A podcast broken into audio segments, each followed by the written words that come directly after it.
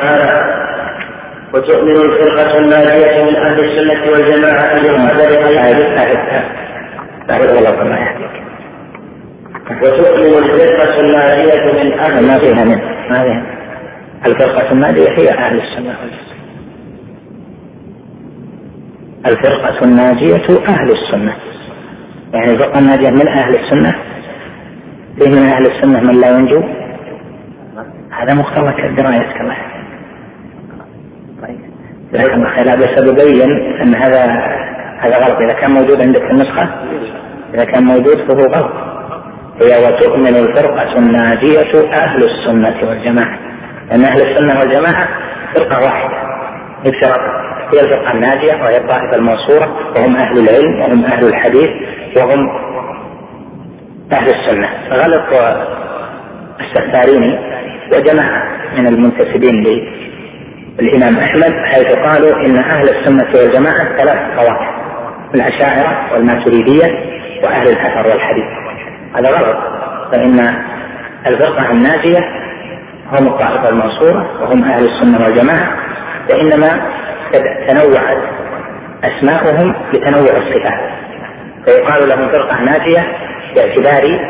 الآخر ناجون من عذاب الله بوعده في الآخر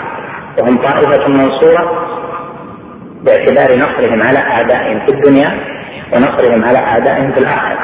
إنا لننصر رسلنا والذين آمنوا في الحياة الدنيا ويوم يقوم الأشهاد وهم أهل السنة لأنهم يتابعون الدليل من السنة ولا يدخلون في أمور الشرع والدين والعقيدة لا يدخلون فيها بالآراء وإنما مبناهم على السنة والدليل وطريقة الأولين وهم الجماعة الذين نابذوا الفرقة ولزموا الجماعة الأولى قبل أن تفسد الجماعة نعم بارك الله فيك وتؤمن الفرقة الناجية أهل السنة والجماعة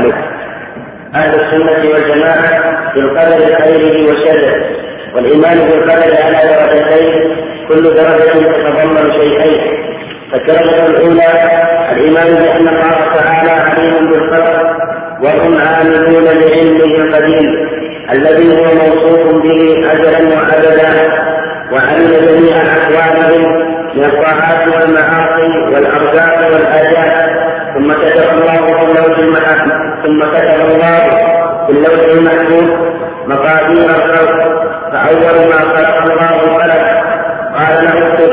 قال ما اكتب قال اكتب ما هو كائن إلى يوم القيامة فما أصاب الإنسان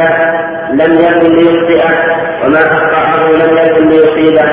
جلفت الأقلام وطويت الشعر كما قال تعالى ألم تعلم أن الله يعلم ما في السماء والأرض إن ذلك في كتاب إن ذلك على الله يسير وقال ما أصاب من مصيبة في الأرض ولا من أنفسكم إلا من كتاب من قبل أن نضعها إن ذلك على الله يسير وهذا التقدير التابع لعلمه سبحانه يكون في مواضع جملة وتفصيلا قد كتب في اللوح المحفوظ ما شاء وإذا حدث الجميل قبل نفخ الروح فيه بعد إليه ملكا فيؤمر بأربع كلمات فيقال له اكتب اكتب رزقه وأجله وعمله وشقي أم سعيد ونحو ذلك فهذا التقدير قد كان ينكره غلاة القدرية قديما ومنكروه اليوم قليل واما الدرجه الثانيه فهي مشيئه الله النافذه وقدرته الشامله وهو الايمان بان ما شاء الله كان وهو الايمان بان ما شاء الله كان وما لم يشاء لم يكن وانه ما في السماوات وما في الارض من حركه ولا سكون الا بمشيئه الله سبحانه لا يكون في ملكه ما لا يليق وأنه سبحانه على كل شيء قدير وأنه سبحانه على كل شيء قدير من الموجودات والمعلومات فما من مخلوق في الأرض ولا في السماء إلا الله خالقه سبحانه لا خالق غيره ولا رب سواه ومع ذلك فقد أمر العباد بطاعته وطاعة رسله ونهاهم عن معصيته وهو سبحانه يحب المتقين والمحسنين والمصدقين ويقرا على الذين امنوا وعملوا الصالحات ولا يحب الكافرين ولا يقرا عن القوم الفاسقين ولا يامر بالفحشاء ولا يرضى لعباده الكفر ولا يحب الفساد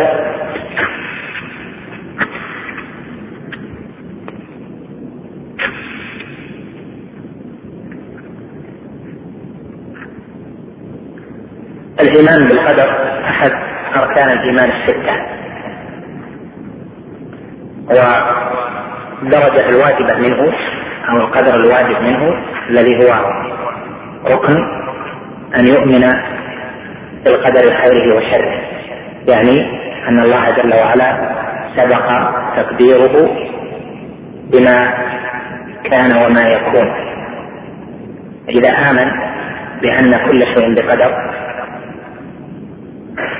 فإنه قد حقق ذلك من الخير والشر إذا آمن بأن كل شيء بقدر مما يحصل له من الخير والشر فإنه يكون قد أتى بالقدر الواجب وهناك تفاصيل هذه لمن علم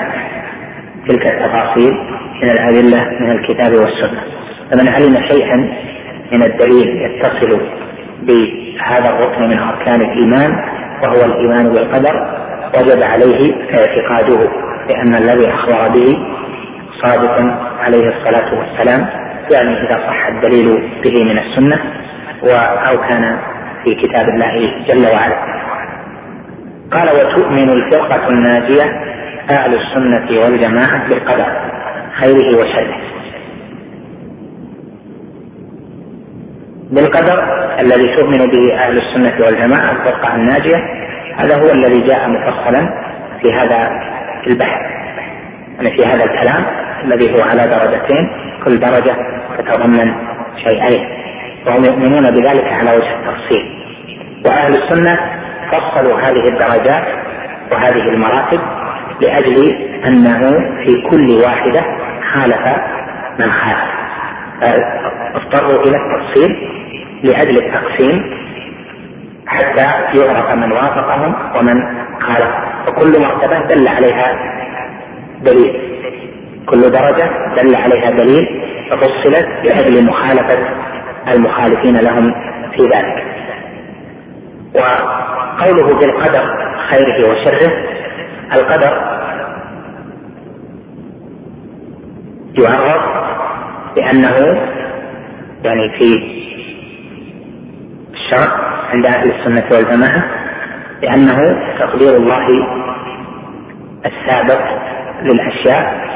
وعلمه بها ثم كتابته لها في اللوح المحفوظ ومشيئته العامة وخلقه لكل شيء هذا هو القدر فإذا تأملت التعريف وجدت أنه يشمل المراتب جميعا فهو تقدير الله للأشياء قبل حصولها القدر مأخوذ من التقدير وأصل هذا في لغة العرب قالوا قدرت اقدر إذا علم ما سيفعل قبل فعله وعلم ما سيحصل قبل فعله ثم يجعل الشيء على وفق ما يقدره والبشر قاصرون وقد يكون ما يفعلون موافقا لما يقدرون وقد يكون ما يفعلون مخالفا لما يقدرون لعجزهم وقصورهم اما الله جل وعلا فانه قدر الاشياء وهي واقعه كما قدر سبحانه لانه علم ما العباد عاملون الى يوم القيامه فكتب ذلك سبحانه وتعالى قال جل وعلا إن كل شيء خلقناه بقدر قال جل وعلا إنا كل شيء خلقناه بقدر قوله كل شيء هذا عموم لأن كل شيء هذا من الألفاظ الظاهرة في العموم كل شيء خلق بقدر وقوله شيء عندنا أن الشيء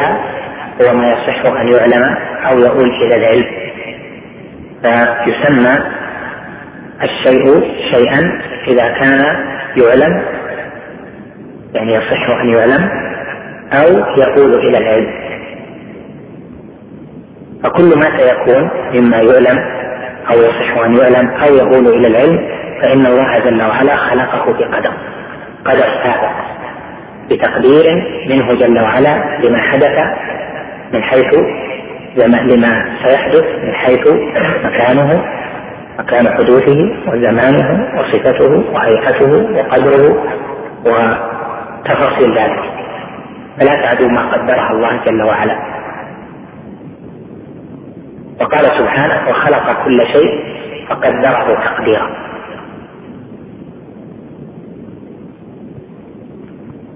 فالإيمان به فرض ولازم وكما تعلمون أن حديث مجيء جبريل الذي جاء في حديث عمر وحديث أبي هريرة وفيه ذكر الإيمان بالقدر ظاهر الدلالة على ذلك ولن يستقيم إيمان أحد حتى يؤمن بالقدر وقد قال علي رضي الله عنه لمن نازعه في القدر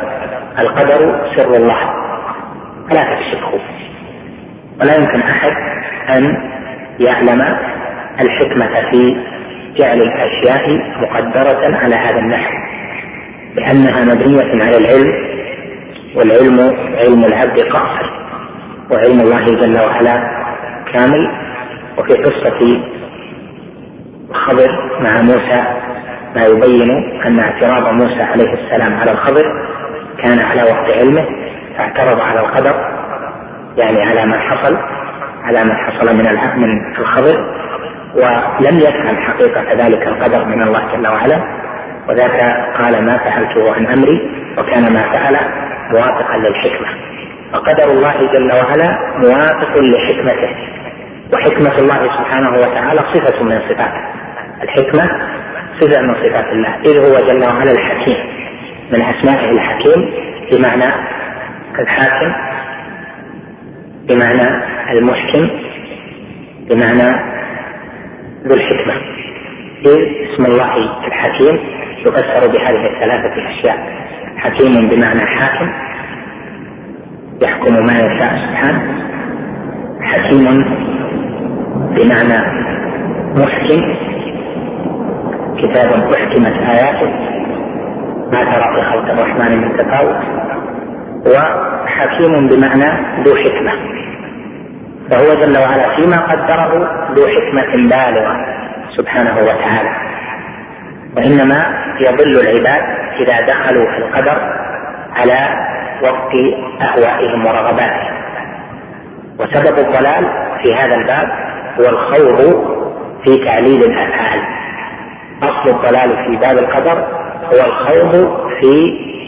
الأفعال لما فعل لما كان كذا بما قدر علي كذا هذا عاش هذا مات هذا غني هذا فقير إلى آخره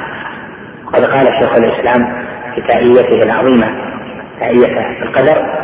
قال وأصل ضلال الخلق من كل فرقة هو الخوض في فعل الإله بعلة وأصل ضلال الخلق من كل فرقة هو الخوض في فعل الإله بعلة فإنهم لم يفهموا حكمة له فصاروا على نوع من الجاهلية ولا شك أننا لا نستطيع أن ندخل في معرفة الحكم والأسرار قد نعلم بعض الأشياء قليلة جدا وأشياء كثيرة لا نعلمها وما أحسن قول القائل وما سبب الخلاف في اختلاف العلوم هناك بعضا أو تماما فكان من اللوازم أن يكون الإله مخالفا فيها الأنام فلا تجعل لها قدرا وخذها شكورا للذي يحيي الأنام من أهم ما ينفع في هذا الباب أنك تختلف مع ابنك الصغير أو مع أخيك الصغير فلا يقتنع بفعلك وفعلك موافق للمصلحة وهو لا يقتنع بذلك ويعارض وسبب الخلاف هو الاختلاف في العلوم تعلم ما لا يعلم فكان فعلك موافقا لما تعلم وفعله واعتراضه موافقا لما يعلم وسبب الخلاف اختلاف العلوم فإذا كان من اللوازم أن يكون الإله جل وعلا الرب سبحانه مخالفا فيها الأنام لأن علمه كامل شامل محيط بكل شيء وعلم العبد قاهر لا يعدو شيئا يسيرا بجانبه إذا فهذا الباب باب القدر مبني على عدم الخوف في الحكم عدم الخوف في التعليلات على التسليم لأن ذلك سر الله جل وعلا فإذا درسناه فإننا ندرسه لأجل فهم الأدلة وما ثبت في الدليل ما ثبت في الحديث أن النبي صلى الله عليه وسلم قال إذا ذكر القدر فأمسكوا يعني أمسكوا عن الخوض فيه بغير علم أما الكلام في القدر بعلم فإنه فهم للنصوص فهم للكتاب والسنه وما دام ان الله جل وعلا اخبرنا بذلك واخبرنا رسوله صلى الله عليه وسلم فان فهمه والعلم به وتدارسه وذكره هذا فهم للشرع فليس مما يمسك عن الكلام فيه وانما يمسك الكلام في الخوض في هذه المسائل بدون علم يعني في تعليلات في اراء أما إذا كان تفقها في دلالات الكتاب والسنة فإن هذا من العلم النافع بل من العلم الذي يجب على طائفة من هذه الأمة أن تتفقه بذلك وتعلمه حتى تحفظ على الأمة دينها. قال شيخ الإسلام رحمه الله بالقدر خيره وشره خيره وشره ويقصد خير القدر وشر القدر بالنسبة إلى العبد لأن العبد هو الذي يوصف الفعل الذي تعلق به بأنه خير وشر أما من جهة تقدير الله جل وعلا فهو خير محض لأن النبي صلى الله عليه وسلم وصف ربه جل وعلا بقوله والشر ليس إليك الله جل وعلا ليس بشر وليس في افعاله شر وليس في صفاته شر بل هو جل وعلا ذو الرحمه الواسعه وذو الخير العميم الذي هم به عباده وتقديره خير محض لكن بالاضافه الى العباد قد يكون في حق العبد المعين شرا و قولنا يكون شر بالنسبة له هذا جاء في الحديث كما قال بقدر خيره وشره فهو شر إضافي بالنسبة له أما الله جل وعلا فليس إليه شر سبحانه وتعالى قال والإيمان بالقدر على درجتين كل درجة تتضمن شيئين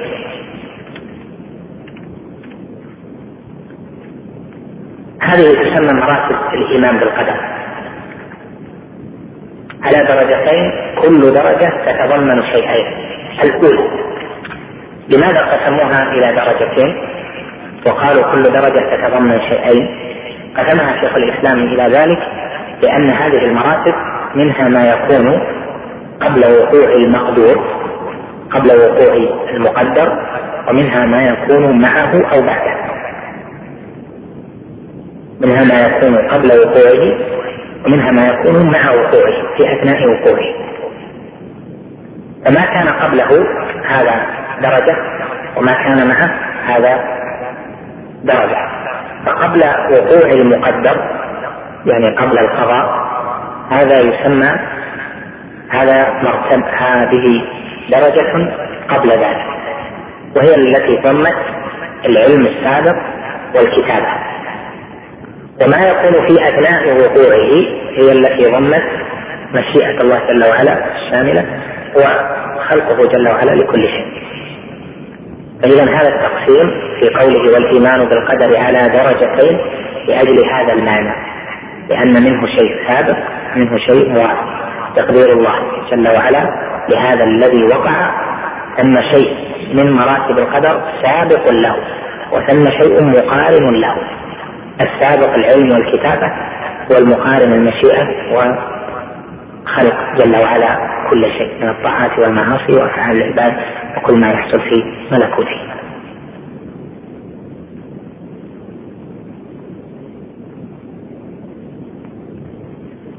يتصل بهذا يعني مبحث القدر كما تعلمون طويل وفي يعني تصريحات كثيرة لكن ننبه على المهمات فيه آه، يتصل بهذا البحث المعروف في الفرق بين القضاء والقدر ما الفرق بين القضاء والقدر قال جماعة من أهل العلم القضاء والقدر هما بمعنى واحد قضى سبحانه بكذا يعني قدر فما قدر كان وما قضى كان وقال آخرون القدر إذا وقع كان قضاء والقضاء قدر لكن إذا وقع القدر سمي قضاء وهذا مأخوذ من لفظه القضاء يعني قضي فانتهى كما قال قضي الأمر الذي فيه تستفتيان فلما قضينا عليه الموت ما دلهم على موته إلا دابة الأرض تأكل من ساعته يعني انتهى فإذا هو مقدر ومقضي فإذا وقع سمي قضاء لأنه انتهى وهذا تفريق جيد من حيث الفهم لكن من حيث دلالات النصوص فيها هذا وفيها هذا قد يطلق القضاء على القدر قد يطلق القدر على القضاء أما في الاستعمال الخاص فإن كثيرين يستعملون القضاء قضي عليه بهذا هذا قضاء الله جل وعلا اصبر لما قدر لما قضى الله سبحانه هذا لما وقع وانتهى من القدر قال والايمان بالقدر على درجتين كل درجه تتضمن شيئين الاولى الايمان بان الله علم ما الخلق عاملون بعلمه القديم هذه المرتبه هي مرتبه العلم والله جل وعلا علمه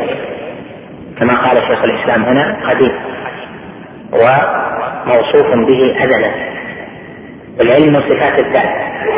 والله جل وعلا هو الأول بذاته وصفاته فعلمه سبحانه وتعالى أول يعني أزل واستعمال شيخ الإسلام لفظ بعلمه القديم يعني وصف العلم بالقدم هنا يعني الأزلية لا يريد القديم بالمعنى اللغوي لأن القديم في اللغة يعني ما سبقه شيء لكن هذا يقصد به كما يقصد الناس إذا قالوا يعني المتكلمين ومن شابههم إذا قالوا بأسماء الله القديم أو أخبروا عنه بالقديم فهو جل وعلا يخبر عنه بأنه قديم وأن صفاته كذلك قديمة وقد يستأنس لذلك بدعاء الداخل إلى المسجد أعوذ بوجه الله الكريم وسلطانه القديم على اعتبار ان السلطان يشمل الصفات الذي هو موصوف به أزلا إذا الدرجة الأولى أو الأولى من يعني من الدرجتين السابقة لوقوع المقدر قال شيخ الإسلام الإيمان بأن الله علم ما الخلق عاملون هذا العلم السابق على العلم هذا حدث في وقت قال بعلمه القديم الذي هو موصوف به أزلا يعني علم بعلم وهذا العلم متى علمه جل وعلا ليس له بداية علمه جل وعلا أزلا علمه جل وعلا بما سيحصل هذا أول يعني لا نستطيع الزمان يتناهى الزمان مخلوق يتناهى فلا نستطيع نقول بدايته كذا لأن الزمان مهما امتد له بداية الصفر والله جل وعلا في صفاته جل وعلا أول سبحانه وصفاته جل وعلا قديم قال وعلم جميع أحوالهم من الطاعات والمعاصي والارواح والآجال سبحانه سبحانه ثم كتب الله في اللوح المحفوظ مقادير الخلق كتب الله في اللوح المحفوظ هذه هي المرتبة الثانية قوله في المرتبة الأولى علم يعني في الدرجة الأولى علم ثم كتب هذه تشمل شيئين العلم واحد والكتابة ثاني العلم بجميع الأحوال والكتابة بجميع الأحوال العلم بالطاعات والمعاصي والأرزاق والآجال يعني أنه جل وعلا لم يأتيه شيء في حدوث طاعات والمعاصي أو حدوث الأشياء يكون مستأنفا جديدا عليه جل وعلا بل هو سبحانه علم هذا في الأزل لا يخفى عليه شيء علم ما كان وما سيكون وما لم يكن لو كان كيف كان يكون فإذا هذه المرتبة فيها العلم الأزلي هذا واحد فيها علمه جل وعلا بما سيكون من جميع الأحوال طاعات ومعاصي وأرزاق وآجال على التفصيل يعلم الكليات سبحانه والجزئيات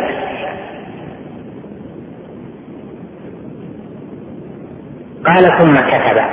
الله في اللوح المحفوظ مقادير الخلق هذه هي المرتبة الثانية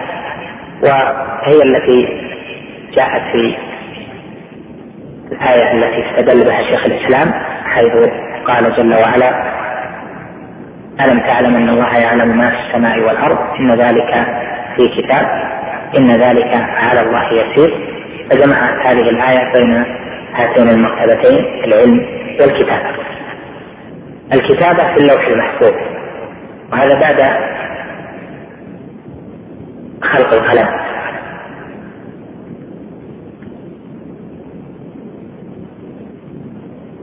وخلق القلم كان عند الكتابة خلق الله جل وعلا القلم للكتابة فحين خلقه أمره أن يجري فكتب في اللوح المحفوظ ما هو كائن إلى يوم القيامة وقوله هنا فأول ما خلق الله القلم هذه كما جاء في الحديث الذي رواه أبو داود وغيره أول ما خلق الله القلم قال له اكتب هكذا يرويها بعضهم أول وشيخ الإسلام رحمك الله شيخ الإسلام رحمه الله لا يختار هذا النحو لا يختار أن يقال أول وإنما يختار أن تقرأ أولا فتكون قراءته هنا فيما ذكر فأول ما خلق الله القلم قال له اكتب ومعنى أول يعني حين يعني أول شيء يعني بعد خلقه قال له كذا فأول ما خلق الله القلم قال له اكتب فتكون الرواية أول ما خلق الله القلم وهي التي فهمت أنها أول فنقلت ورويت إن اول كما هي ألفاظ في لفظ إن أول ما خلق الله القلم ولفظ أول ما خلق الله القلم أول ما خلق الله القلم هذا هو المعتمد هل هو أول أو أولا الصحيح أنه أولا يعني حين وذلك لأن القلم على الصحيح خلق بعد العرش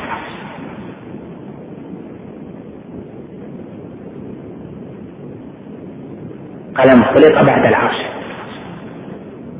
فإذا لا يكون أول مخلوقات الله القلم بل العرش كان مخلوقا قبل وهذه المسألة مرتبطة بمسائل أخرى مما يسمونه تسلسل و أيضا الجنس جنس المخلوق إلى آخره المقصود من ذلك الذي يهمنا هنا أن القلم خلق فلما خلق امره الله جل وعلا ان يكتب والعرش كان مخلوقا قبل ذلك هذا هو الصحيح ان العرش قبل القلم والقول الثاني ان القلم قبل العرش لاجل دلاله هذا الحديث اول ما خلق الله القلم فقال له اكتب في روايه الفتح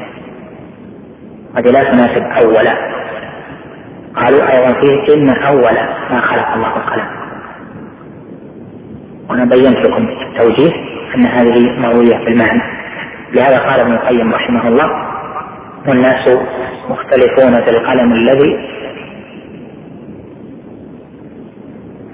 كتب القضاء به من الديان والناس مختلفون في القلم الذي كتب القضاء به من الديان هل كان قبل العرش أو هو بعده قولان عند أبي العلا الهمداني والحق هذا كلام القيم والحق أن العرش قبل لأنه عند الكتابة كان ذا أركان هذا هو الصحيح أن القلم مخلوق بعد العرش والعرش قبل ذلك فإذا يكون قوله هنا فأول ما خلق الله القلم قال له اكتب يعني حين خلق الله القلم أول ما خلق الله القلم يعني حين خلق الله فتكون ما هنا ليست موصولة وإنما هي مصدرية أول خلق الله ما هنا مصدرية إذا كانت موصولة يعني أول الذي خلق الله يعني تصير أول المخلوقات القلم القلم وهذا ليس بصحيح كما ذكرنا فتكون ما هنا مصدرية أول ما خلق الله القلم يعني أول خلق الله القلم أول خلق الله القلم يعني أول حين خلق الله القلم قال له اكتب يعني عند الخلق قال له بعد أن خلقه الله وقال وهذا هو الذي يقرره شيخ الإسلام فتفهم عقيدته هذه على نحو ما يقرر في كتبه قال له اكتب قال ما اكتب قال اكتب ما هو كائن إلى يوم القيامة فهذا يدل على أن غاية ما هو مكتوب في اللوح المحفوظ إلى يوم القيامة وما بعد ذلك غير داخل فيما كتب في اللوح المحفوظ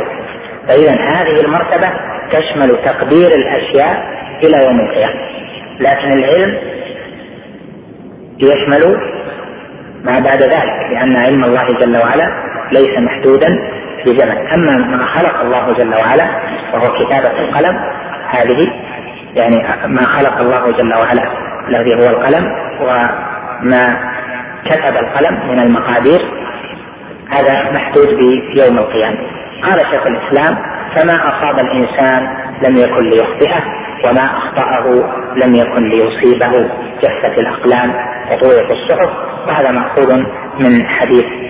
ابن عباس المشهور الذي قال فيه النبي صلى الله عليه وسلم له يا غلام اني اعلمك كلمات احفظ الله يحفظك الى اخره في اخره قال جفت الاقلام وطويت الصحف يعني ان الكتابه انتهت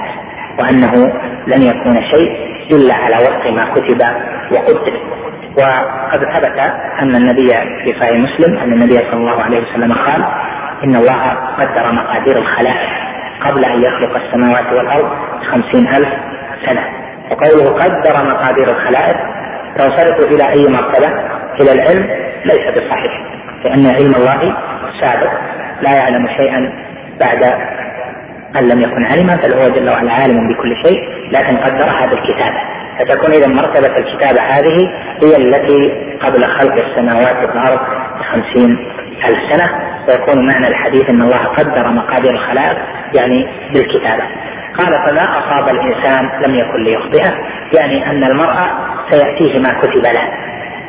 وما كتب على المرء أو ما كتب له سيلاقيه لا مفر منه لأن الله جل وعلا عالم بأحوال العباد وعالم ما سيحصل مما أردت أن يحصل بك أو مما لم ترد أن يحصل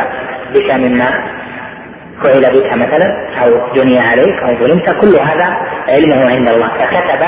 ما سيحصل فإذا كتابته جل وعلا لما سيحصل وعلمه هذا ليس بخارج كتابته جل وعلا وعلمه سبحانه ليس بإجبار للعبد أن يفعل وإنما هو كشف لما يحصل وهذا الكشف لأن الله جل وعلا أعطى العبد يعني في حق العبد المختار أعطاه اختيارا فيختار إما هذا وإما هذا والنهاية التي يختارها وتحدث هي التي علمها الله جل وعلا منه وهي التي كتبت عليه نعم هناك توفيق وهناك خذلان فبهذه في قوله ما أصاب الإنسان لم يكن ليخطئه يعني لا يتصور العبد أنه لو فعل غير هذا الفعل لم يكن يصيب هذا لأنه لا بد أن يفعل هذا فيصيب هذا لأن الجميع بقدر ولا يمكن أن يخرج عن ذلك هو باختياره فعل ونتيجة الاختيار حصلت وهذا هو الذي كان مكتوبا عليه لأن الله جل وعلا قدر مقادير الخلائق وكل شيء خلقه جل وعلا بقدر ولا بد أن يكون ما قدر سبحانه وتعالى هناك توفيق وهناك خذلان والتوفيق والخذلان من الألفاظ التي يختلف فيها قول أهل السنة عن قول غيرهم فالتوفيق عند أهل السنة هو إهانة الله العبد على الفعل وإضعاف الأسباب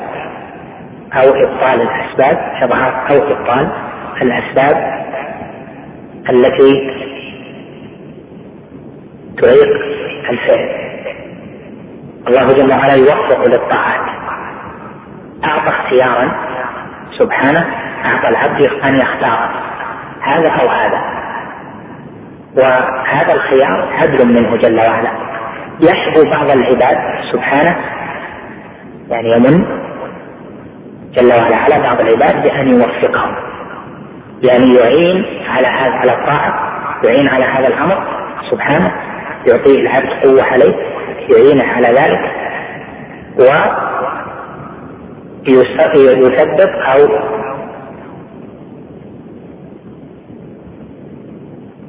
يبطل أو يعطل أو يضعف الأسباب التي تعوق دون فعله هذه لها تفاصيل لكن بالمثال أن يقرب في الكلام يعني أن العبد لا شك في تحصيله لأي فعل من الأفعال لا بد له من إرادة وقدرة لا يمكن أن يحصل فعل إلا بإرادة وقدرة إرادة جازمة وقدرة تامة فإذا كانت إرادته قاصرة مترددة ما حق الفعل لأن لابد أن يتوجه إلى الفعل بإرادة جازمة ثم بقدرة تامة إذا كانت قدرته ناقصة ما تم الفعل أو كان ليس عنده قدرة لم يتم الفعل فإذا كان هذان الاثنان ايش؟ القدرة والإرادة تم الفعل هذا من جهته فإعانته على أن يريد على أن يتوجه قلبه لذلك هنا فيه إعانة خاصة إقداره على ذلك في بعض الأعمال التي تحتاج قدرة خاصة يعني ليست قد ما يتوجه لها العبد ابتداء مثل مثلا الجهاد الأعمال العظيمة الله جل وعلا يقدر عبده يعني يزيده في ذلك هذا يتوجه إلى الفعل هناك مثبطات الشياطين هناك مثبطات من عمل شياطين الجن والإنس من الملهيات من الشهوات إلى آخره إضعاف الأسباب المثبطة عن الفعل أو إبطال تلك الأسباب وعدم تعرضها لهذا العبد الموفق هذا من التوفيق فإذا التوفيق عندنا يشمل شيئين الأول إعانة خاصة على الإرادة أو القدرة والثاني إضعاف أو إبطال أو تعطيل الأسباب المثبطة عن العمل هذا هو التوفيق عند أهل السنة أما الخذلان فإن الخذلان ترك العبد ونفسه أن يترك تترك عبد تعامل بالعدل لا تعان بإرادة ولا قدرة ولا تثبط عنك الأسباب أو تظهر أو تبطل أو تعطل أسباب المانعة فإذا خذل العبد تسلطت عليه الشياطين شياطين الإنس والجن تسلطت عليه الشهوات فقبل فوكل إلى نفسه لهذا من وكل إلى نفسه خسر خسرانا مبينا لهذا كانت لا حول ولا قوة إلا بالله كنز من كنوز الجنة لأنها سبب كل خير وسبب الأعمال التي تدخل إلى الجنة هي لا حول ولا قوة إلا بالله لأن معناها أنه لا توفيق إلا بالله ولا إعانة إلا من الله فطلب للتوفيق و ابعادهم عن القبله. اما الاشاعره قالوا تكثر عند النووي في شرحه على مسلم وغيره فانهم يفسرون التوحيد بانه خلق القدره على الطاعه وخلق القدره على الطاعه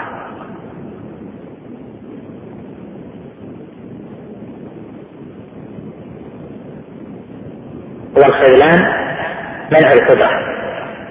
عن الطاعة هذا عندهم عند المعتزلة تقريبا هذا ليس بجيد لأن خلق القدرة على الطاعة هذه مقارنة والتوحيد سابق خلق القدرة على الطاعة هذه مقارنة أما التوفيق فسابق وما توفيقي إلا بالله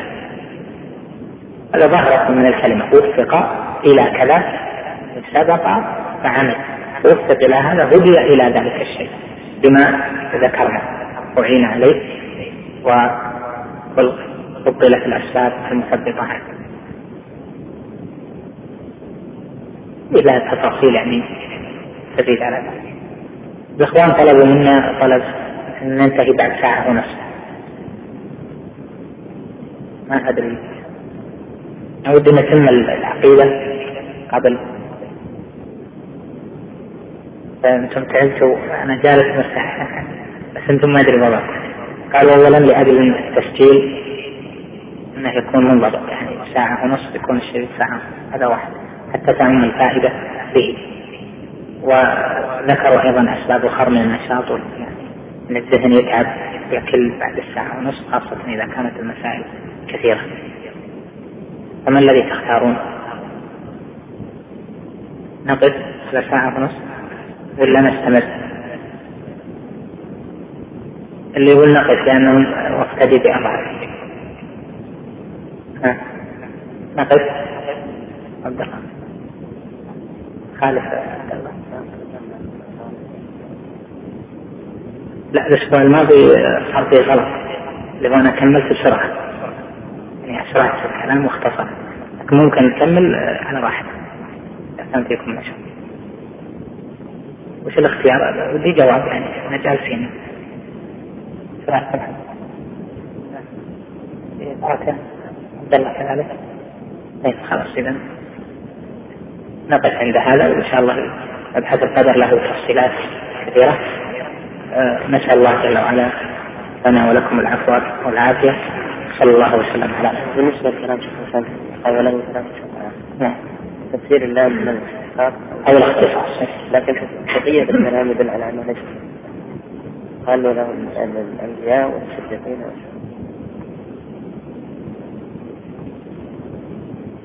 اما الان فنترككم مع مجلس اخر من هذا الشرح بسم الله الرحمن الرحيم الحمد لله والصلاة والسلام على رسول الله وعلى آله وصحبه ومن اهتدى بهداه أما بعد هناك اللهان الأول غدا ثم محاضرة لي في جامع الملك خالد بعنوان الفكر والعلم بعد المغرب إن شاء الله تعالى والثاني دروس من الثلاثة يعني درس الفقه ودرس التوحيد يوم الأربعاء ودرس الواسطية مثل اليوم هذه نعتذر منكم عن هذه الثلاثة إن شاء الله تعالى لبست الثلاثة من أسبوع كنت يعني ثلاثة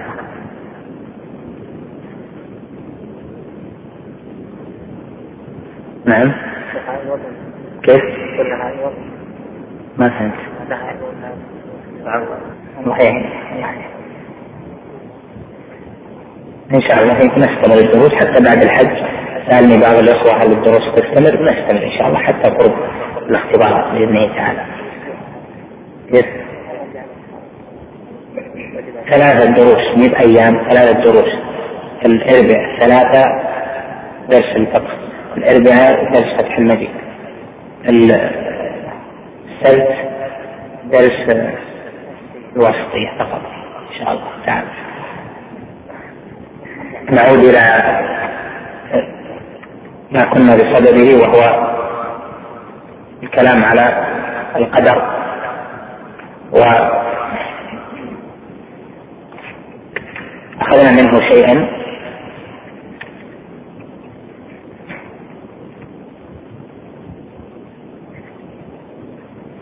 وما أدري وين وصلنا كلها لا طيب وصلنا إلى قوله جل وعلا جثة قوله رحمه الله جثة الأقلام أو طوية الصحف ذكر شيخ الاسلام بعد ذلك الادله على تلك المرتبتين الاولى والثانيه بعلم ثم الكتابه فقال رحمه الله تعالى قال تعالى الم تعلم ان الله يعلم ما في السماء والارض ان ذلك في كتاب ان ذلك على الله يسير وقال ما أصاب من مصيبة في الأرض ولا في أنفسكم إلا في كتاب من قبل أن نبرأها إن ذلك على الله يسير الآية الأولى دلت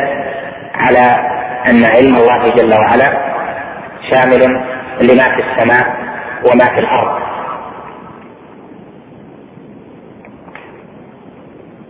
كما قال ألم تعلم أن الله يعلم ما في السماء والأرض وقوله جل وعلا ألم تعلم أن الله يعلم ما في السماء والأرض هذا دليل على مرتبة العلم لأن قوله يعلم ما في السماء والأرض هذا علم غير مخصوص بزمن فهو علم بما يكون في السماء والأرض وهو جل وعلا عالم بكل شيء سبحانه قال إن ذلك في كتاب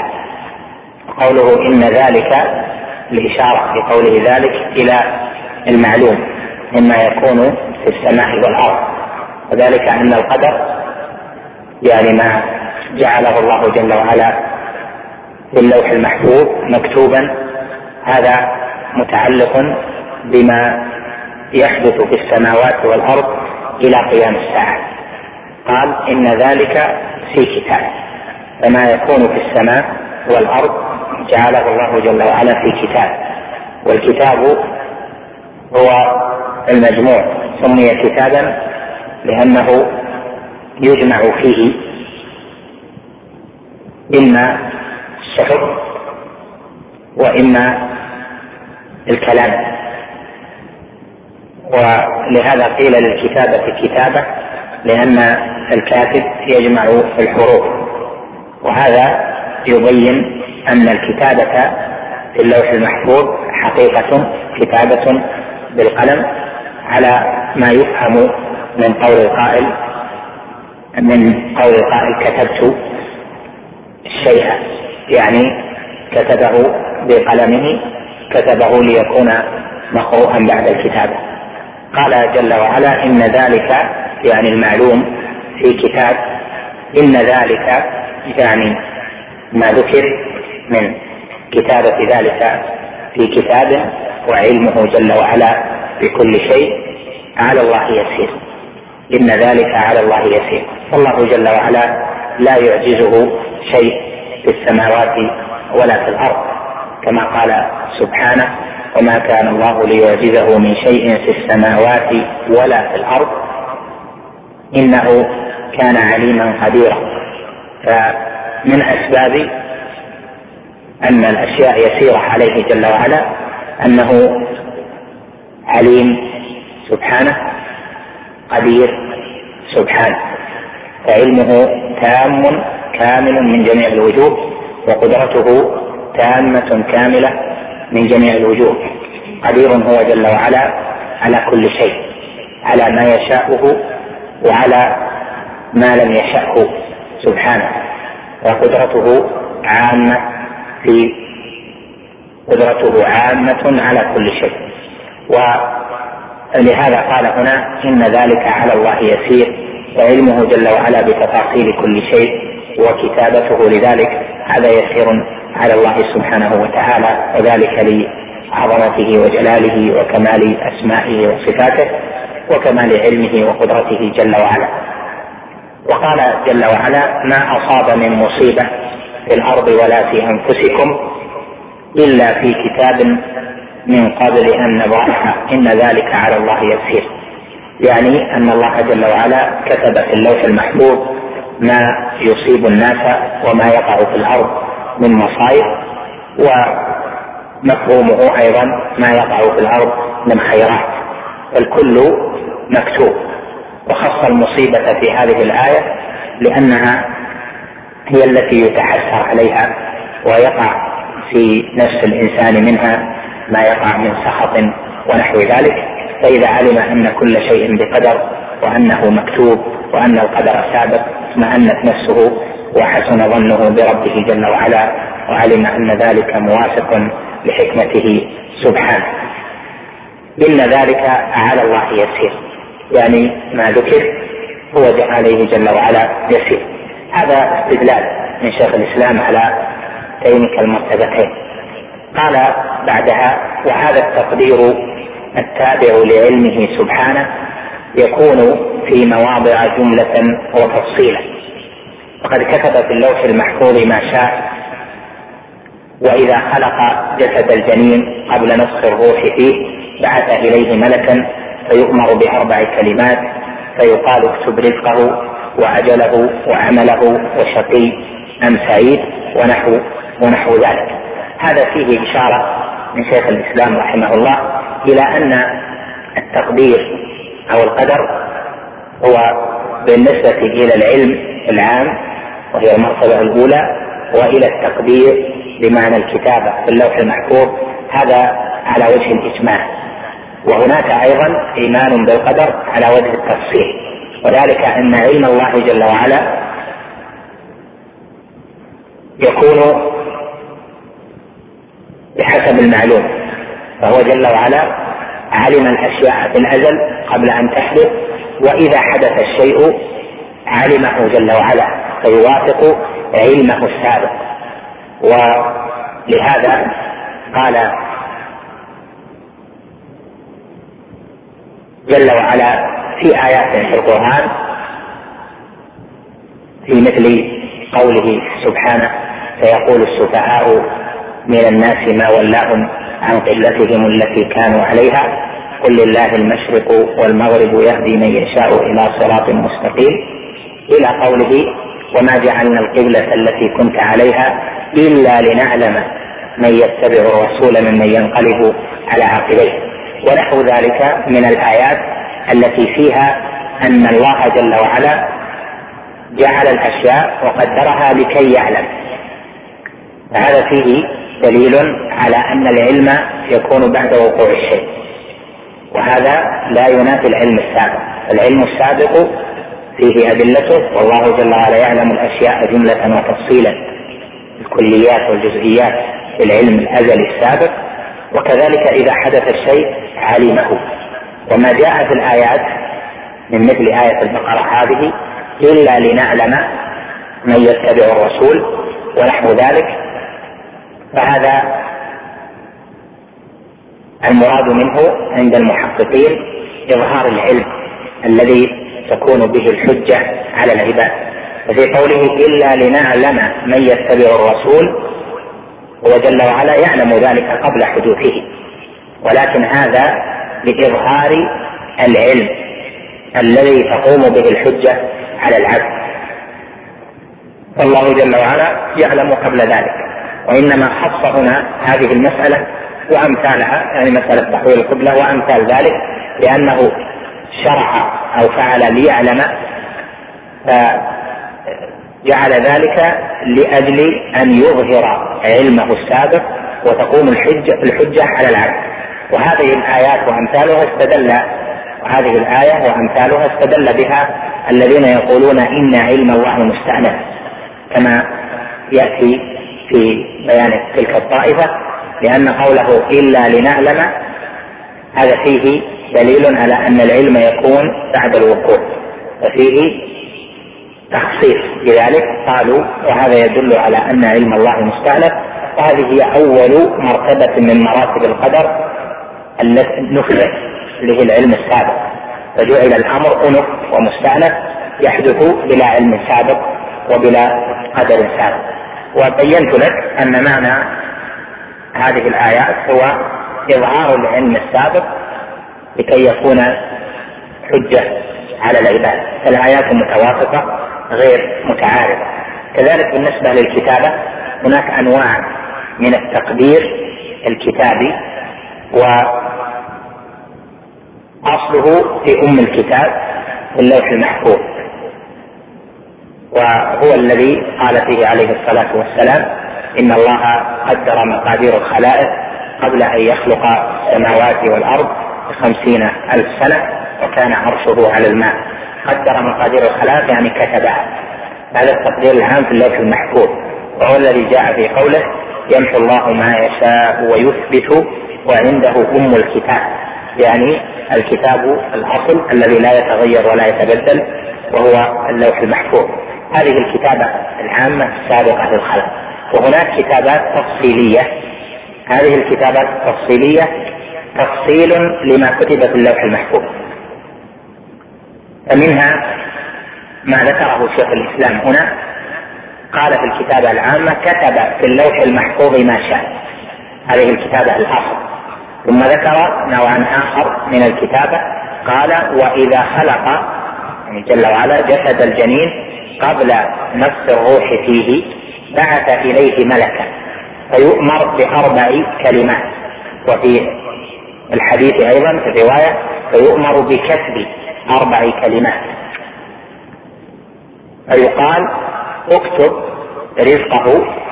وأجله وعمله وشقي أم سعيد وهذه ذكر شيخ الإسلام أنه أنه قبل نفس الروح ثم يؤمر لقوله في الحديث ثم يؤمر بنفس الروح هذه كتابة خاصة متعلقة بهذا الإنسان الذي ستنفخ فيه الروح وهذا الكتب هو تفصيل لما في اللوح المحفوظ هو مكتوب في اللوح المحفوظ ويؤمرون بذلك فيكون كتابة تفصيلية في حق هذا المعين كذلك هناك التقدير السنوي الذي يكون في ليلة القدر قال جل وعلا إنا أنزلناه في ليلة القدر وما أدراك ما ليلة القدر سميت ليلة القدر لأنها يقدر فيها ما يحصل في تلك السنة يقدر بمعنى يكتب أما التقدير الأصلي فهو في اللوح المحفوظ وهي التي في قوله تعالى في أول سورة الدخان حاميم والكتاب المبين إنا أنزلناه في ليلة مباركة إنا كنا منذرين فيها يفرق كل أمر حكيم وهذا الفرق يفرق كل أمر يعني يفصل من اللوح المحفوظ إلى الصحف التي بأيدي الملائكة كما هو أحد وجه التفسير فهذه كتابة سنوية عام ثاني الكتابتان العمرية والسنوية هذه يكون فيها تعليق يعني يقال فيها إن فعل العبد كذا فتكون يكون القدر كذا وإن فعل العبد كذا يكون القدر كذا فإن وصل رحمه زيد في عمره إن وصل رحمه وسع له في رزقه فما يكون فيه المحو والإثبات هو في هذه الصحف التي فيها التقدير السنوي أو العمري الذي بأيدي الملائكة وهذه تكون معلقة كما قال ابن عباس في تفسير آية الرعد وهي قوله جل وعلا يمحو الله ما يشاء ويثبت وعنده ام الكتاب وهناك اشياء يعني من القدر تقبل المحو والاثبات وهناك اشياء من الكتابه لا تقبل المحو والاثبات بل هي اجال لا تقبل التغيير او اشياء لا تقبل التغيير وذلك ما في اللوح المحفوظ اما ما في صحف الملائكه فانه يقبل الصغير وكل ذلك مكتوب في اللوح المحفوظ لكن يعني مكتوب التفصيل والنهاية لكنه لا يقبل المحو والإثبات أما ما في صحف الملائكة فإنه يقبل المحو والإثبات كما قال جل وعلا يمحو الله ما يشاء ويثبت وعنده أم الكتاب وهذا الوجه هو الذي قاله ابن عباس رضي الله عنه وهو وجه ظاهر البيان والصحة لأنه موافق للأدلة كما قال جل وعلا وما يعمر من معمر ولا ينقص من عمره إلا في كتابه وقال عليه الصلاة والسلام من سره أن يبسط له في رزقه وينسى له في أثره فليصل رحمه فكان وصل الرحم سببا في زيادة الرزق وسببا في نسه الاثر في زياده العمر وان الرجل لا يحرم الرزق بالذنب يصيبه هذا كله بما في صحف الملائكه وما يكون فيها فاذا هاتان المرتبتان العلم والتقدير فيها اجمال فيها جمله علم جملي وهناك علم تفصيل او علم بالكليات والجزئيات وكذلك التقدير في تقدير عام لجميع المخلوقات وهناك تقديرات أخرى وأنواع من الكتابة تفصيلية وقد فصل فيها ابن القيم رحمه الله في كتابه شفاء العليل في ذكر هذه المراتب وذكر أنواع التقدير الخمسة وذكر الأدلة عليه بما يحال به عليه لأنها كلها تفصيلات للقدر السابق قوله هنا واذا خلق جسد الجنين قبل نفخ الروح فيه بعث اليه ملكا وقد جاء في الصحيح صحيح مسلم انه مما يؤمر به اهو ذكر ام انثى يعني يعلم هل هو ذكر او انثى فالملك يؤمر بهذه الكتابات اكتب رزقه واجله وعمله وشقي ام سعيد وكذلك يقال للملك اذكر هذا الجنين ام انثى آه، إذا كان كذلك فيكون بإعلام الملائكة بهذه بهذا العلم ألا وهو هل هو ذكر أم أنثى خرج ذلك المعلوم من كونه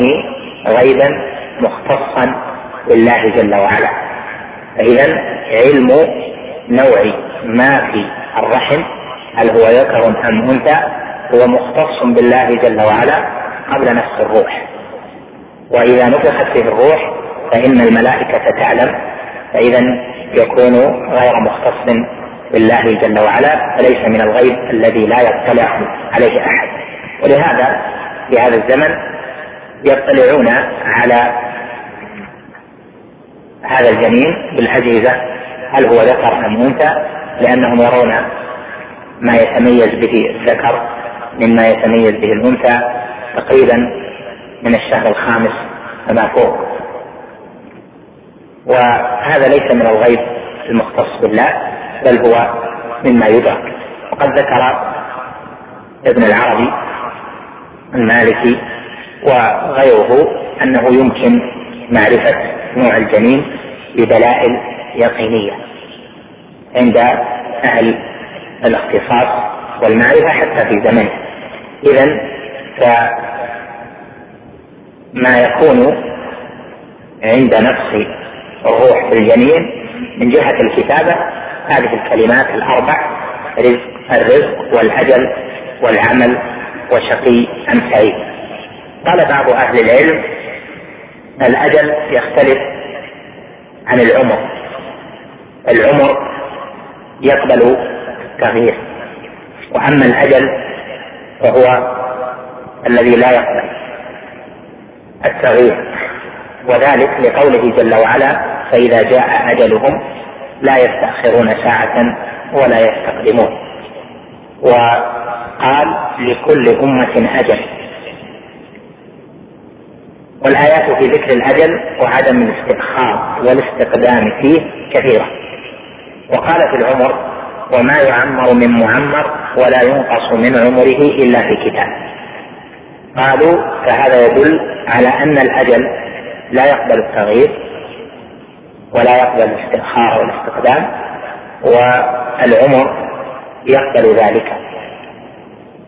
وهذا الذي قالوه باعتبار ما جاء في القرآن صحيح أما باعتبار ما جاء في السنة فإنه ليس بواحد لأن هذا الذي يكتب من الأجل ويقبل التغيير لقوله عليه الصلاة والسلام من سره أن يبسط له في رزقه وينسع له في أثره وفي بعض ألفاظ هذا الحديث وينسع له في أجله وهذا ظاهر لكن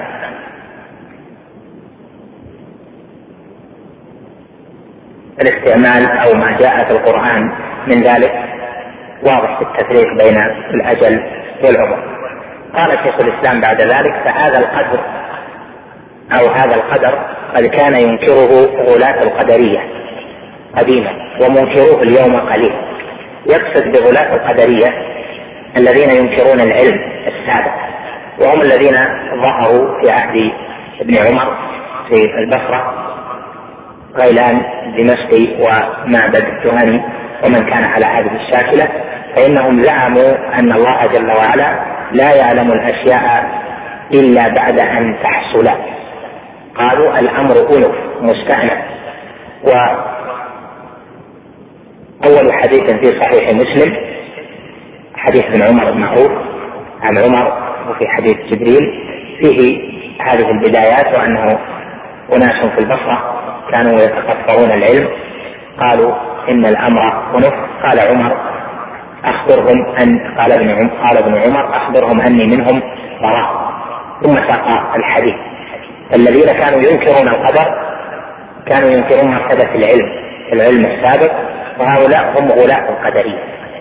وقوله غلاة القدرية يعني أن هناك قدرية غير غلاة هل هذا المفهوم صحيح من كلامه؟ نعم هو صحيح لأن القدرية انواع منهم الغلاة ومنهم من ليسوا بغلاة وبعض اهل العلم يعبر يقول المتوسطون وبعض اهل العلم يثبت ثلاث طبقات القدريه الغلاة والمتوسطون ومن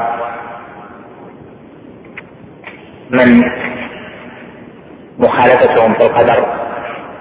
خفيفه وقوله القدريه هذا اسم لمنكر القدر والأصل أن النسبة تكون للمثبت لا للنافي فإذا أثبت شيئا ننسبه إليه كما يقال الصفاتية لمثبتة الصفات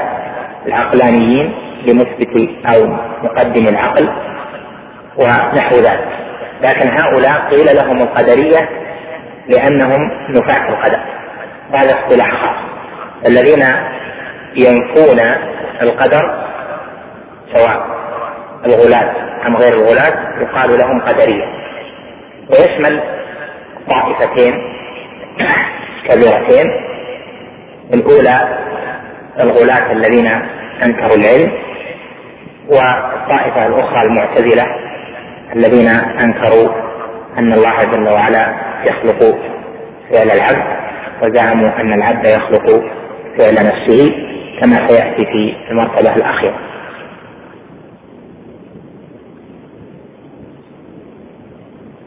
ويقابل القدرية الجبرية ويأتينا بيان فرقهم في آخر الكلام إن شاء الله قال ومنكروه اليوم قليل وهذا في وقت شيخ الإسلام يعني منكر العلم السابق قليل والذين ينكرون العلم في زمنه وفي هذا الزمن هم الفلاسفة ومن كان على مذهب غلاة القدرية من بعض الناس الذين لا ينتسبون إلى طائفة الفلاسفة يزعمون يعني الفلاسفة الإسلاميين أن الله جل وعلا يعلم الكليات دون الجزئيات وهذا إنكار للعلم يقول العلم يقولون العلم السابق هو علم كلي لا تفصيل علم بالكليات دون الجزئيات وهو نوع من إنكار العلم السابق هؤلاء هم الذين قال فيهم الشافعي رحمه الله كلمته المشهورة ناظروا القدرية بالعلم فإن أقروا به خصموا وإن أنكروه كفروا لما انتهى من ذلك شيخ الإسلام قال وأما الدرجة الثانية يعني من درجتي القدر فهو مشيئة الله النافذة وقدرته الشاملة ذكرنا أن الدرجة الأولى قديمة العلم والكتابة قديمة والدرجة الثانية تقارن المقدور تقارن المقضي فالقدر إذا وقع أو إذا شاء الله جل وعلا أن يقع لا بد أن يكون بقدر ثابت وبقدر مقارن هذا القدر المقارن وهو مشيئة الله النافذة وقدرته الشاملة وهذه هي الدرجة الثانية وتشمل مرتبتين فصل ذلك شيخ الإسلام بقوله يعني مشيئة الله النافذة وقدرته الشاملة قال وهو يعني هذه الدرجة كيف يكون الإيمان بذلك الإيمان بأن ما شاء الله كان وما لم يشأ لم يكن وأنه ما في السماوات وما في الأرض من حركة ولا سكون إلا بمشيئة الله لا يكون في ملكه ما لا يريد وأنه سبحانه على كل شيء قدير من الموجودات والمعدومات فما من مخلوق في الأرض ولا في السماء إلا الله خالقه سبحانه لا خالق غيره ولا رب سواه ومع ذلك فقد أمر العباد بطاعته إلى آخر كلام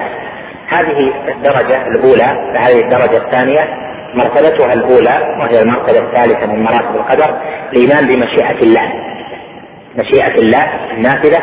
وهو جل وعلا ما شاء كان وما لم يشأ لم يكن والأدلة على هذه المرتبة كثيرة جدا منها قوله جل وعلا ولو شئنا لآتينا كل نفس هداها ولكن حق القول مني الآية وكذلك قوله جل وعلا ولو شاء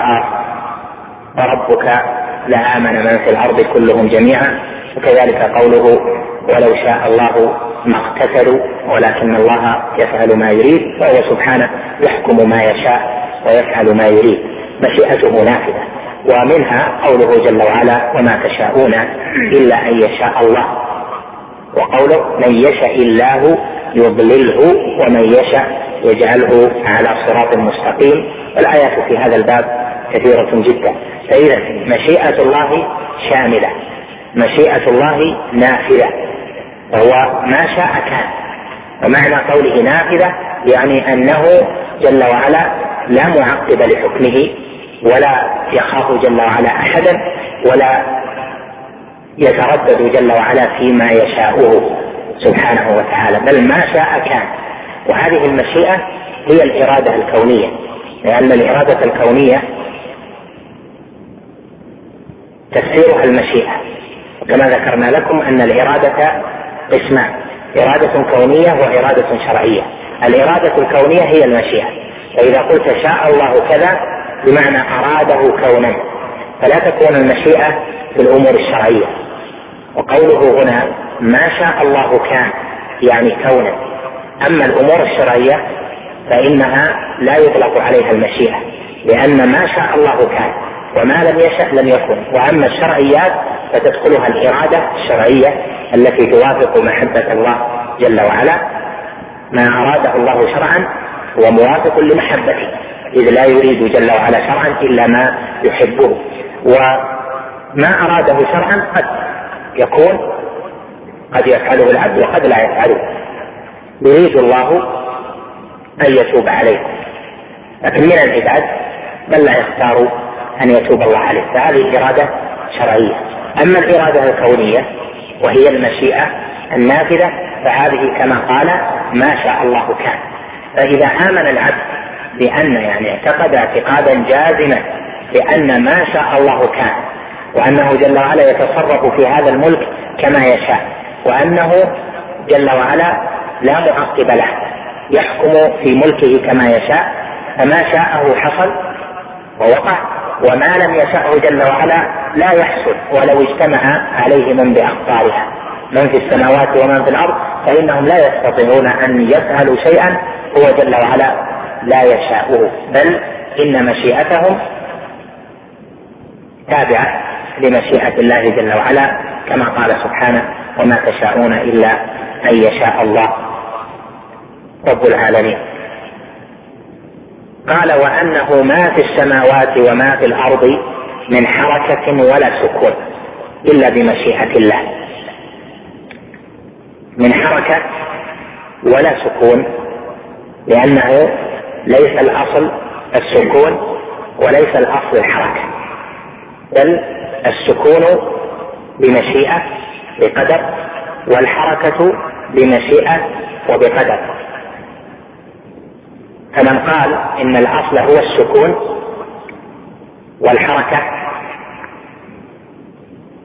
خلاف الاصل زعم ان القدر راجع الى المتحركات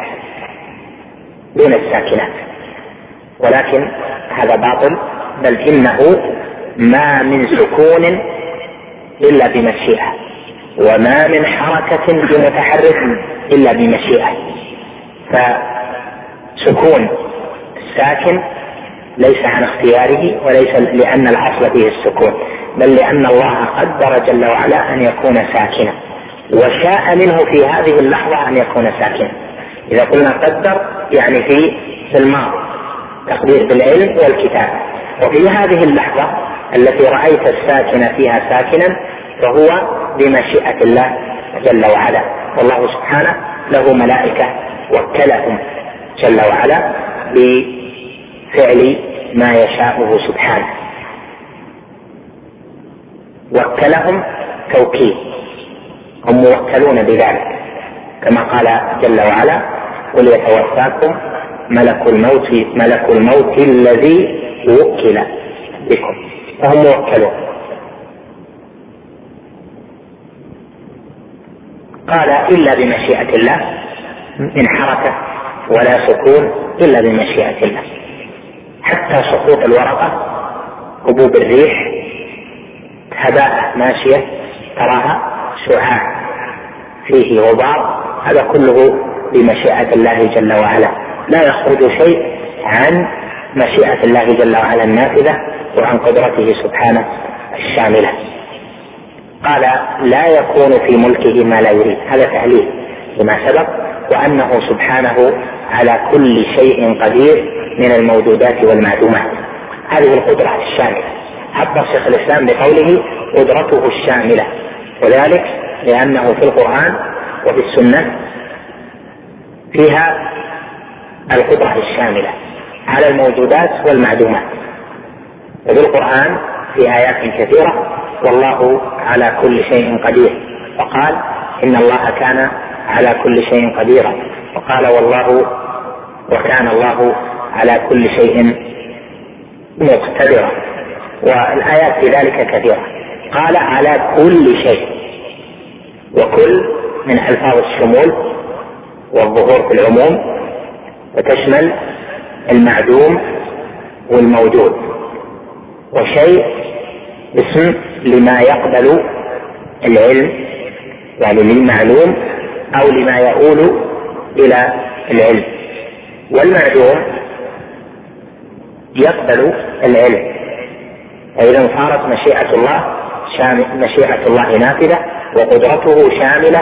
للموجود لما رأيته وللمعدوم أيضا وقوله المعدوم يعني لما لم يشأه الله جل وعلا فهو سبحانه ما شاءه كان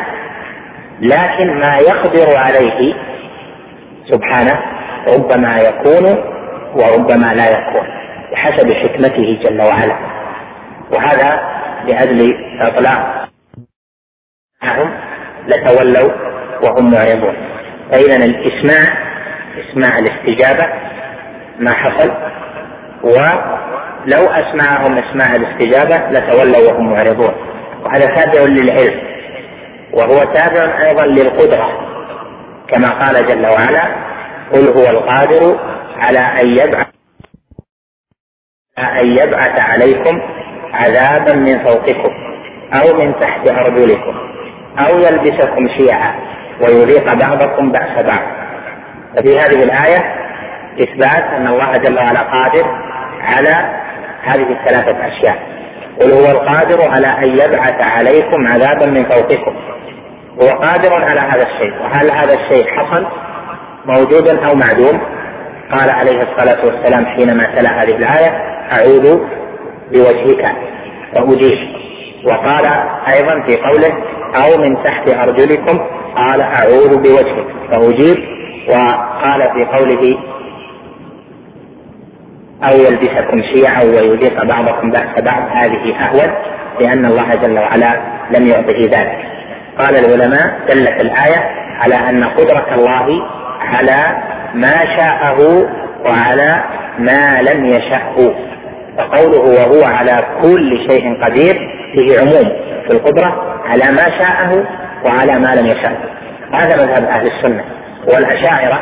والماتريدية وغيرهم يقولون ان القدره لها تعلقان تعلق صلوحي وتعلق قديم هذا بحث يعني يحتاج الى تفصيل لكن ايضا مما يناسب كلام كلام هذا هنا يقولون ان القدره قدره الله جل وعلا متعلقه بما شاءه ولهذا يقول الأشاعرة كثيرا في كتبهم والله على ما يشاء قدير وهذه عند أهل السنة والجماعة باطلة لا يجوز أن يخالف المرء نص القرآن ويقول والله على ما يشاء قدير ونعم هو جل وعلا على ما يشاء قدير لكن قدرته على ما يشاء وعلى ما لم يشاء وهو سبحانه قدير على ما شاء وقدير على ما لم يشاءه فعندهم القدرة متعلقة بما شاءه وعند أهل السنة القدرة متعلقة بما شاءه جل وعلا وبما لم يشأه لقوله سبحانه قل هو القادر على أن يبعث عليكم عذابا من فوقكم أو من تحت أرجلكم أو يلبسكم شيعا ويذيق بعضكم بأس بعض نعم جاء في بعض الأحاديث إني على ما أشاء قادر واني على ما اشاء قدير وهذا يثبته اهل السنه لانه دليل على انه جل وعلا على ما يشاء قدير وهذا دل عليه قوله على كل شيء قدير لكن عندهم شعار انهم يعرضون عن قوله والله على كل شيء قدير الى قولهم والله على ما يشاء قدير واذا كان شعارا لاهل البدع فان استعماله فيه موافقة لهم مع صحته في نفسه معنى وقول القائل إنه جل وعلا على كل شيء قدير هذا يشمل ما شاءه وما لم يشأه وفيه موافقة للنصوص من الكتاب والسنة هذا معنى قول شيخ الإسلام من الموجودات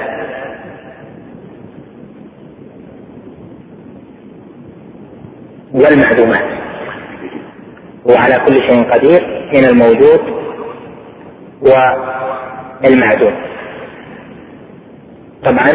هذا كله متعلق بما يمكن اما المحال مما احاله او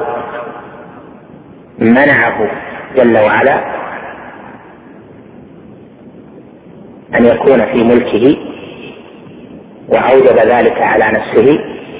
وهو جل وعلا قدير على كل شيء على هذا وذاك ولكن لما جعل ذلك محالا فهو لا يكون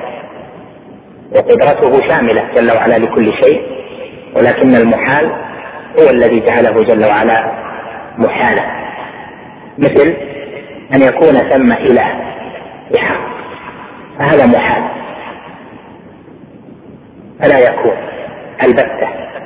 هل هذا متعلق بالقدرة؟ نقول نعم القدرة متعلقة بكل شيء لكن هذا محال لا يكون كذلك أن يوجد إله آخر هذا محال كذلك أن يكون له جل وعلا ولد هذا محال إلى آخره وهذه المحالات هو جل وعلا الذي جعلها محالة سبحانه وتعالى فإذا لا تبحث هذه كما بحثها الفلاسفة وطائفة هل تدخل تحت القدرة أو لا تدخل لأن هذه جعلها الله جل وعلا محالات فما يبحث هو ما جاءت فيه النصوص وأما ما جعله الله جل وعلا محالا فإننا نأخذه على ما جاء في النص ولا نأخذ فيه بهل تشمله القدرة أو لا تشمله لأنه لا فائدة منه ولأن فيه إدراكا واعتراضا على النصوص قال بعد ذلك فما من مخلوق في الأرض ولا في السماء إلا الله خالقه سبحانه لا خالق غيره ولا رب سواه ومع ذلك فقد أمر العباد بطاعته وطاعة رسله قوله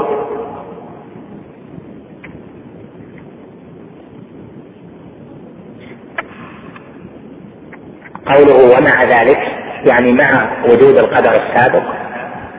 الله جل وعلا امر العباد بطاعته القدر لا يعني عدم العمل بل القدر قدر الله جل وعلا هو ما هو علمه جل وعلا بما سيكون كتابته جل وعلا لما سيكون وما قدره سبحانه وتعالى على عباده ومع ذلك امر العباد بالطاعه ونهاهم عن المعصية وهو جل وعلا يحب المتقين ويرضى عن الذين آمنوا وعملوا الصالحات الله جل وعلا شيئا ويبغض شيئا والجميع قد شاءه إذا كانت المعاصي داخلة تحت المشيئة فكيف تدخل تحت المشيئة مع أنها داخلة تحت ما يبغض الرب جل وعلا وهذا الضلال أو هذه الشبهة أوقعت طوائف في الضلال وأهل السنة قالوا إنه يجتمع بحق المعين من المسلمين الإرادة الكونية والشرعية فيما أطاع الله جل وعلا فيه يجتمع فيه المحبة والإرادة الكونية ومن خالف الكافر أو العاصي حين معصيته نفذت فيه المشيئة والإرادة الكونية ولكنه في هذه الحال لم يوافق الإرادة الشرعية فالمسلم تعلق به في طاعته حين يطيع الإرادة الكونية التي هي المشيئة والإرادة الشرعية والعاصي حين عصى أو الكافر تعلق به الإرادة الكونية دون الإرادة الشرعية